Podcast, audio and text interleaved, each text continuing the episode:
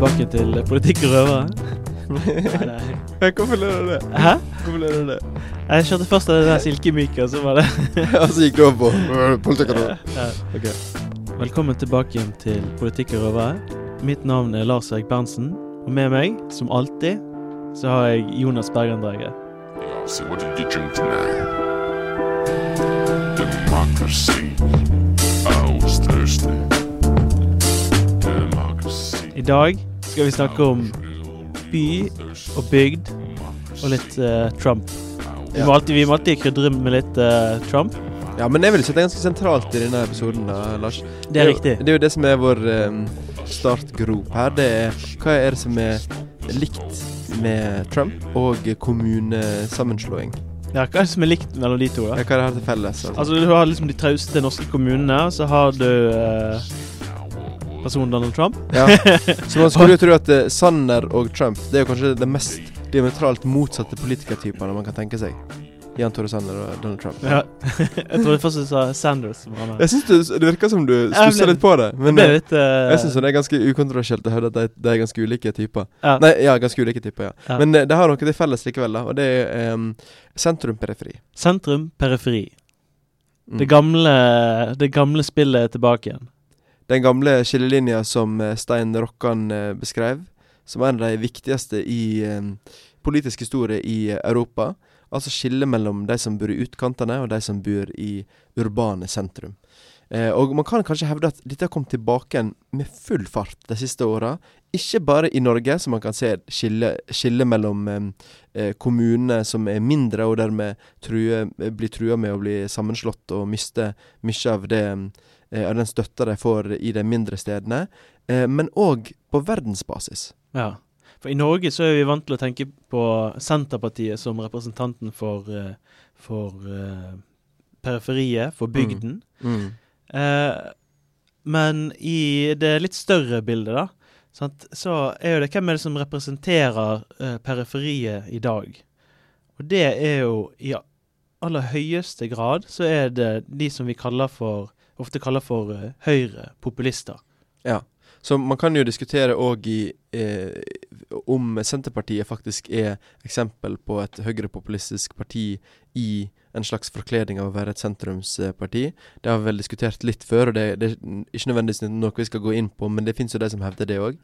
jeg har lyst til å gå inn på det, da. ja, ok, la oss gå inn på det. Ja, for det, altså, det som er greien med, med Senterpartiet, det de har til felles med veldig mange høyrepopulistiske, høyreradikale partier, er jo nettopp denne her komponenten nasjonalisme, proteksjonisme. Mm. Sant? Og de tingene f.eks. med Donald Trump, det er, jo, det er jo det som er det mest sentrale for han, da. America First-greien.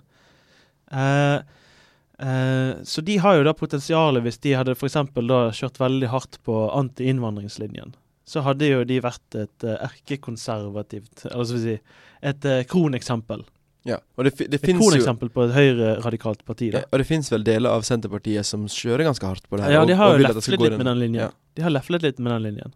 Det, det litt med det. Ola Borten Moe sa vel for noen år siden at, det- at det er ingenting um, Vesten kan lære av arabisk kultur. Ja. Som er en ganske sånn provokativt eh, statement. Det kommer jo kanskje litt an på hvilken kontekst han sa det i.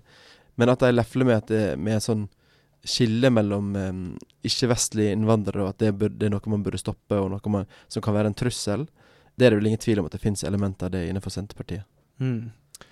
Hvis vi tar oss og hopper over igjen til eh, USA, da, så eh, har jo mye av forklaringene, eller forsøket på å forklare Donald Trump, det har fokusert på noen aspekter som dette med rasisme og eh, den hvite arbeiderklassen, middelklassen sitt eh, hva skal jeg si, sånn opprør, da. Mm. Det har vært den hvite middelklassen og hvite arbeiderklassen sitt opprør. Ja. Mm, Og det, og det mm, kan man jo kanskje se i USA. Veldig mye av forklaringa eh, der handler om USA, om at USA har, har hatt en viss eh, utvikling de siste åra, og eh, eh, det at USA er en eh, tapende stormakt, en stormakt som mister sin, sitt hegemoni da, i verden, og, Kina. eh, til Kina, og eventuelt til India i, lengre, i et lengre perspektiv òg. At, at de iallfall eh, ikke kommer til å ha en sånn eneherskende dominans over verden som de har hatt før. Satt inn i den konteksten at det er på en måte USA som skiller seg ut. Men akkurat dette, dette skillet mellom en elite i hovedstaden, mellom Washington-eliten og de andre, veldig mange i det såkalte rustbeltet i USA. Eh, en tilsvarende sånn skille det ser man veldig mange andre steder òg. I Thailand, i Brasil, i Tyrkia, i, i Norge for så vidt. Som ikke er nødvendigvis en sånn én-til-én akkurat det samme, men et sånt fundamentalt og økende skille som blir brukt politisk mellom eh, sentrum og periferi. Ja. Og dette er jo et uh, skillelinje som har kommet mye sterkere fram i løpet av de siste 10-15 årene. Så at, uh, I dag så blir det en liten reise jorden rundt. Ja. Uh, og hvis vi går til det, kanskje det landet som du kjenner best, da, utenom Norge, Tyrkia. ja. Så, så Nå får du rette på meg her, Jonas, men Mhm. altså Erdogan sin maktposisjon. Selv om han da var, han, var han borgermester i Istanbul? Eller ja, borgermester i Istanbul, ja. På den Ja, sant? Men han har jo fått eh, sin maktposisjon på bakgrunn av eh, de som kommer fra Innlandet, fra Anatolia, eh, fra middelklassen og arbeiderklassen der. Og der har jo et sånn veldig sånn eh, spesielt eh, De har jo et veldig spesielt begrep for det. da. Ikke det hvite mot svarte tyrkere. Ja, så man har egentlig tatt eh, mye av det skillet som eh, ligger i USA. I USA så blir jo eh, etniske skillelinjer Det er jo veldig viktige i offentlig diskurs, og veldig viktige for eh, viktige markører for eh, økonomiske forskjeller osv. Om du er svart eller om du er hvit. Eller om du er hvit eller om du er ikke hvit. Om du enten er latino eller, eller svart. Um, og tilsvarende har de begynt å bruke det i Tyrkia, på tyrkisk. Bruker de det sjøl om, om seg sjøl, og, og kaller seg eh, eh, hvite tyrkere eller eh, svarte tyrkere. Uavhengig av uh, hudfarge og etnisitet. da. Ja, så det har egentlig ingenting med, med hudfarge å gjøre. Off, I praksis så, så har det kanskje litt nok, noe med det å gjøre, for at mange av de som kommer fra utkantene, eh, er fra Anatolia, innlandet, der de nok har eh, mer pigmenttetthet enn de har eh, i eh, vestlige deler av Tyrkia. Altså litt annet utseende, litt mørkere. Ser litt mørkere ut, kanskje. Flere som har arabisk eh, blod i, i familien, så det kanskje er Ja. litt mørkere i huden. Altså, Tyrkia er jo et eh, etnisk knutepunkt. Da. Det har vært utrolig mange folk som har bodd over generasjoner. Ja, så ekstremt stor, stort mangfold, sånn rent etnisk. da. Ser, hvis du går rundt på gata veldig mange steder i Tyrkia, så ser jo folk helt forskjellige ut. Mm. Og, de, men de som, kom, som bor i Vesten i Tyrkia, og em, ofte tilhører den kysten der og Ja, de Ja. tilhører den, den hvite det som kalt, kaller seg sjøl De kaller seg sjøl kanskje ikke så ofte, da, men de som blir da sett på som hvite tyrkere, de har jo ofte familie fra eh, Europa. Sant? Fra andre deler av Europa. Så ja, fra, Balkan. fra Balkan eller fra Hellas eller så videre. Så, så det kan jo være en forskjell i faktisk hudfarge, men det er ikke det som er hovedskillet her. Dette er noe som de har tatt fra USA, og tenker om at det er noen som var på innsida av statsbyggingsprosjektet, altså da Tyrkia ble etablert som stat på 1920-tallet, eh, så det var en modell som var bygd opp. Sant? Denne modellen var eh, Det skulle være en eh, sekulær stat, den skulle ha visse eh, vestlige eh, ideal som den skulle følge. Eh, det var en idé om, om statens rolle i utvikling av økonomien. Det var veldig mange, så, mange sånne ting som gagna en del av befolkninga, de som nå blir kalt hvite tyrkere, mens det ikke gagna mange andre. Mm. Og eh, når man har hatt en åpning mot eh, demokrati i Tyrkia siden etter andre verdenskrig, så kan man kanskje se på mye av den politiske konflikten som en kontinuerlig kamp mellom de som har vært, følt seg på utsida, og de som har vært på innsida, som prøver å forsvare deres privilegier, rett og slett. Ja. Eh, så i flere tilfeller så har du hatt militære som har slått ned med militærkupp mot det de har sett på som utkantene som blir for sterke.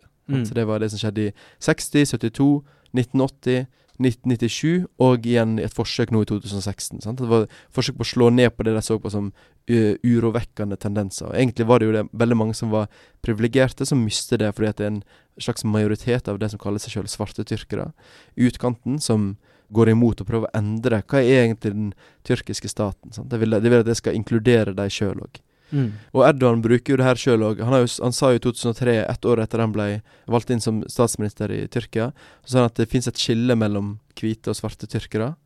Og eh, deres eh, bror eh, eh, Recep Tayyip, han, eh, han tilhører de svarte tyrkerne. Sant? Så han så på seg sjøl som en del av dette brorskapet av de som, som var utenforstående, og de som kjempa for de som egentlig ikke hadde vært med før, de som ikke var privilegerte. Der ligger veldig mye av spenningene i konflikter i Tyrkia. På samme måte, kanskje, eh, selv om det gir litt ulike utfall, da, som i USA og Trump. Ja. Sant? eh, og dette blir ofte beskrevet som eh, globaliseringens uh, tapere. Ja, så. Så det er en annen måte å se det på, som kanskje tilhører litt det samme måten å, å se, se på dette konseptet med sentrum-periferi. Er det de som vinner på globalisering, mot de som taper på globalisering? Er det den kampen man egentlig det, ser? det, så da, i det perspektivet da, så er dette her eh, taperne sin hevn eller comeback. da, sant? Ja. Og, så det er jo en veldig sånn fundamental eh, konflikt som har eh, forrykket de tidligere eksisterende konfliktlinjene i veldig stor grad. Ja. Der det tidligere dreide seg om høyre-venstre i mer sånn gammel eh, forstand. Eh, så nå så dreier det seg om i veldig stor grad kulturelle konfliktlinjer. ja. Og det er en, en Tradisjonelle mot moderne, konservative mot liberale, om Ja. du vil. da. Eh, og der du har liksom disse som bor i storbyene, som liksom er mer sånn kosmopolitisk orientert, multikulturelt eh, orientert. ja. De er et produkt av globaliseringa, eller de vinner på globaliseringa. Mm. Og det er jo de fraksjonene da, som eh, veldig mange av de politiske partiene i sentrum venstre, sentrum høyre har representert. Og det, har, det var en sånn konvergens, da, en samling omkring de verdiene eh, utover 80-tallet, som eh, skapte et, eh, et vakuum i veldig mange land. Det er ikke sånn overalt, men det skapte et eh, vakuum, et tomrom, eh, som nå har blitt i veldig stor grad okkupert av høyreradikale og høyrepopulistiske partier. Og i mye større grad enn de på venstresidene. Så det du kan beskrive det som, er jo egentlig det at det er sosialdemokratiske partier, eksempel, som har gått vekk ifra den arbeiderklassen eh, og røttene sine. Ja. Så det Eh, henger litt sammen med, med den eh, eh, distanseringa som eh, sosialdemokratene har, fra, fra røttene og fra arbeiderne i Ja. Vest-Europa generelt. Så da har det skapt et eh, vakuum, et tomrom, eh, som går på kryss av de tidligere skillelinjene. Mm. Eh, og det er det vi da ser i eh, store deler av verden, som du var inne på. Eh, sant? Så er det, bare, det er jo ikke bare i Vest-Europa USA eller Tyrkia, men man ser jo lignende mønstre i veldig mange andre land. Ja, og det er jo en grunn til at det, det her blir sett på som en, som en kulturkamp, som du sier, Lars. Det her er jo ikke eh, lenger et spørsmål om høyre og, og venstre sånn økonomisk sett, som man ofte har tenkt på som eh, at det er det politikk på en måte handler om eh, i lang tid. da. Eh, og en grunn til det er at eh, det har vært en sånn liberal konsensus, en enighet om eh, hvordan økonomien burde styres, i alle fall i vestlige land, i, i vestlig demokrati. Så har det vært en enighet om at eh, man skal ha en slags en form for blandingsøkonomi med ganske åpne grenser for, eh, for handel. Eh, man har en sånn liberal grunntanke om, om hva slags type kapitalisme som skal dominere i landet. Og dermed er det ganske lite spillerom for økonomiske skiller mellom politiske partier. Sant? Det er ikke så mye de kan gjøre fra det til, egentlig. Eh, og sånn har det iallfall blitt sett på lenge, da. Så det, så det har vært vanskeligere for sosialdemokratiske partier f.eks. å mobilisere kun på det her. Og ved å følge dette argumentet, da, så da kommer man fram til at politikk har gått over på andre eh, skillelinjer istedenfor. Og Mm. kulturkamp er en av dem. sant? Mm. Så når du snakker om de, de taperne og vinnerne av globalisering, så blir ikke det argumentert for eh, basert på økonomi i seg sjøl. Til en viss grad blir det det, men i veldig stor grad så, så handler det om verdier, eller de som er inn-gruppe, eller de som er ut-gruppe. sant? Ja. Men altså, dette sp eh, spiller jo seg ut på veldig ulike måter, da. Ja. Så at altså ta eh, I Vest-Europa og eh, delvis i USA, sant, så handler jo det om eh, integrering, innvandring, assimilering, majoritet mot eh, den muslimske minoriteten. Eh, mens i Tyrkia, eksempel, så er jo ikke det det som der skillelinjene går. Da er det innad i landet primært, altså mellom de religiøst orienterte og de mer sekulært orienterte. sant? Ja, det er klart. Altså, sentrum-periferi, det er det vi hevder nå er veldig viktig for um, utviklinga i, i, store deler av verden, i, i politikken. Eh, men akkurat den formen det tar, kan jo være ulik eh, ulike steder. Så vi hevder jo ikke at Jan Tore Sanner er det samme som Donald Trump, eller at eh, kommunesammenslåing egentlig er det samme som eh, Make great, America Great Again. Men det at sentrum-periferi nå dominerer mye mer enn før, det er noe som er, ganske generelt eh, trekk med, med politikk mange steder i verden. Mm. Og de skillelinjene de sammenfaller i veldig stor grad med, med utdanning. Ja, altså det, det, det korrelerer vel med ganske mange sånn, sånne ting som man har tenkt på før, som er typiske faktorer som eh, forklarer stemmegivning, utdanning, eh, inntekt kan det òg være. Um, det, det kan være ma mange sånne, sånne faktorer som, som spiller inn på stemmegivning, men nå er det akkurat måten det blir framstilt på, handler mer om eh, om du er på, i sentrum av, eh, av det politiske prosjektet, eller i utkanten av det. Men i tillegg så kan man lure, lure på hva er konsekvensen av det her? Vil det ha noen større konsekvenser i lengden? Ja, Det er jo noe som kommer til å ville variere veldig fra land til land, avhengig av hvor mye makt eh, disse kreftene klarer å få. Periferikreftene er ofte representert av høyrepopulistene. Ja, og ofte er jo det her eh, Det er jo nettopp en maktkamp, sant. Det er jo akkurat det det handler om. Du definerer noen som er sentrum, og dermed har hatt disproporsjonalt mye makt, og så skal man prøve å eh, utjevne det, eller utkjempe det. Mm. Altså, de periferi- slash eh, høyrepopulistiske kreftene da, som vokser fram innenfor lib- liberale demokratier, sannsynligheten for at de kommer til å bikke over i en, en riktig sånn skikkelig totalitær eh, retning, den er jo mye mindre. Sant? Og derav så kan jo du tenke deg at okay, men det er større sjanse for at de liksom bare at de co-opter eh, Eller at de blir integrert inn i eh, den eksisterende eliten over tid. Sant? Altså, det er den måten at det kommer til å ebbe ut, da. Ja. Sant? At det kommer til å være noen endringer. Ja, OK, kanskje de fleste europeiske land kommer til å være noe mer nasjonalistisk, ha litt større fokus på, på ytre grenser og sånne greier. Mm. Men situasjonen i f.eks. Tyrkia er jo en helt annen, da. Ja, for i Tyrkia har man jo en fullstendig omkalfatring av hvem som eh, er eliten. Det er et maktskifte som kan eh, utspille seg, og i, stor grad har utspilt seg. At de som definerte seg sjøl som utkanten, nå i veldig stor grad er privilegerte økonomisk og eh, politisk i landet. Eh? Og det er jo som en følge av dette periferiprosjektet til Erdogan. Det å definere seg sjøl som en svart tyrker, og den som på en måte skal utjevne det som har vært uh, urettferdig historisk. Så man kan jo tenke seg både det du sier, Lars, om at, om at man koopterer, tar inn i varmen noen av de som representerer det her, eh, og noen av disse ideene til og med, sånn at eh, man får mer proteksjonisme, man får mer eh, toleranse for eh, det å subsidiere periferien, kanskje, eller, eh, eller det å støtte utbygging av noen næringer i periferien. Ja, og f.eks. verdsetting av eh, si, nasjonal identitet og den type spørsmål. For eksempel. man- For eksempel. At man, man tar den debatten om hva norsk kultur egentlig er, liksom. Det som har kommet nå de siste åra i Norge, da.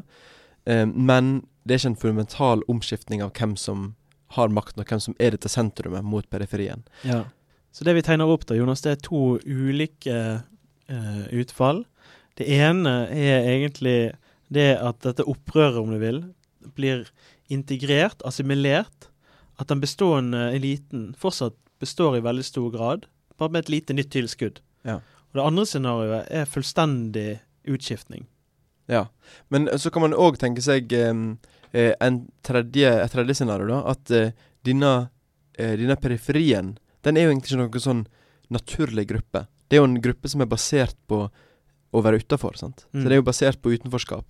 Og eh, det er jo ikke noe gitt i at de som har havna på utsida av muren eller utsida av dørene, at de egentlig har så mye til felles, bortsett fra det faktum at de er på utsida og har lyst til å komme seg inn. Ja, så det, det er sånne, sånne ting som man kaller for negative allianser, eller negative koalisjoner. Ja, Vi har jo snakka om det tidligere. I internasjonal politikk så har man jo eh, non-aligned movement. Sånn, det ikke-alliertes eh, bevegelse. Og det at de skal Mm. samle sammen, basert på det faktum at de ikke er med i andre ting.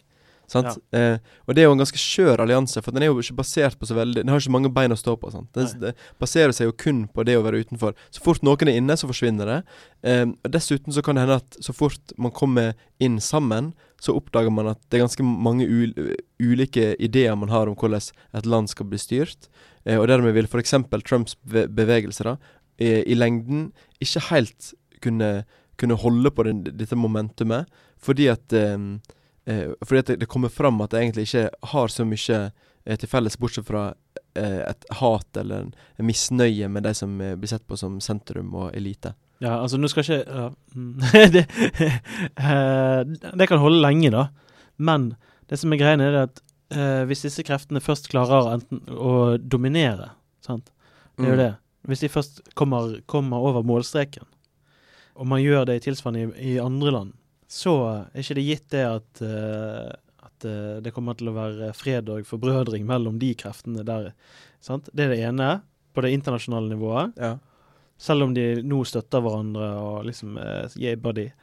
Uh, og det andre som vi er inne på, er jo liksom de eh, alliansene og koalisjonene innad i eh, landet. Og der igjen er det òg mulighet for at uh, disse ulike koalisjonene etter hvert vil bryte ned. Men når det er sagt, så vil jo de først bryte sammen da når de har oppnådd eh, dominans, hegemoni, som vi sier. sant? ja, ja. Eh, så da er jo spørsmålet om OK, men er, er det da en tilstrekkelig anledning for de kosmopolitiske, de liberale, de sekulære, avhengig av hvor du er i verden, eh, til å igjen kunne prøve å gjenerobre maktene? Sant? ja Eller sånn er de da på en måte totalt utvisket fra spillet liksom, i det hele Ja. tatt? Så hvis du konkret da tenker på eh, Er Trump et eksempel på det her, sier Altså, at, Trump vil jo være et eksempel. da. Jeg sier at uh, hans versjon av det republikanske partiet, da at de dominerer veldig og, og, eh, og får styre i alle fall nå i hvor lenge er det, to år til, og, eh, og eventuelt får, eh, får til nyvalget i tillegg, um, så, så er det ganske lang tid med dominans fra den delen av det republikanske partiet som han eh, representerer. Vil da det liberale eh, motkreftene mot det her eh, Hillary Clinton og co., vil de da kunne mo mobilisere med, med et eh, kredibelt alternativ? Eller vil da de være helt utviska av at eh, Trump har kjørt en sånn kampanje over lengre tid? Ja, og det er jo et eksempel, og der er, eh, jeg vil si at eh, nei, det kommer ikke til å skje. For det som er skjer det som ikke kommer til Det altså, til de, kommer ikke, de kommer ikke til å bli utvisket. Nei. Den eksisterende på en måte, liberale siden, kosmopolitiske siden, kommer ikke til å bli utvisket i Vest-Europa eller i Nord-Amerika. Eh, de har en for stor oppslutning i velgerbasen. Det er for mange mennesker med høyere utdanning, og høyere utdanning predikerer eh, en liberal eh, orientering, f.eks. Ja. Så, så lenge de si, strukturelle faktorene der er på plass, da. Og, og stor økonomisk base i tillegg, da. Ja, stor ikke, base. som ikke forsvinner. det er, men det er veldig mange faktorer da, Mm. sant, som eh, spiller i favør av eh, potensialet for, liksom, for venstresiden, av den liberale venstresiden. Eh, at de kan gjenerobre eh, tronen, om du vil, Mm. sant? og skifte på nytt igjen liksom, spillets dynamikk. Men eh, når det kommer til USA, eksempel, så er det mer det der at det er de andre fløyene innad i det republikanske partiet, og amerikanske partier er jo veldig store koalisjoner i seg selv. Eh, det er de andre fløyene der som står i fare for å bli utvisket, og det republikanske partiet på eh, ganske lang eh, periode nå fremover kan muligens bli erstattet bare med liksom denne her eh, nasjonalistiske, Mm. proteksjonistiske fløyen, da, Mm. som tidligere var veldig marginal innad i det partiet. Så det vi på en måte kommer fram til her, Lars, det er at det sentrum-periferi-skillet er sentralt. Det tar litt ulike former i ulike land, men det er svært sentralt i mange steder i verden eh, nå. Eh, I tillegg så kan det ha det konsekvensen at eh, det endrer på maktbasen til en viss grad. Det er noen som dominerer ordskiftet i, i, eh, i visse land, f.eks. USA, når det kommer til makta eh, som en representant for periferien. Tyrkia er òg et eksempel på det. Men de fundamentale eh, motkreftene mot det her, de liberale eller de som er, representerer sentrum, det, det er ganske liten sannsynlighet for at de blir fullstendig utviska. For det fins ganske mange sånne sterke faktorer som eh, demografi og utdanning som egentlig jobber imot det, og tilsier at eh, det her kommer til å være en, en midlertidig periode der periferien er, har, en, har en sterk stilling, men at det kommer til å utba utbalansere seg eh, over tid. Så det er en, eh, en eh, backlash som ikke kommer til å føre til nødvendigvis veldig store strukturelle endringer. Takk for at du hørte på denne episoden med mm, Politikk og røvere. Eh, lik oss eh, og eh, gi oss en eh, anmeldelse på iTunes, og eh, lik oss gjerne på Facebook.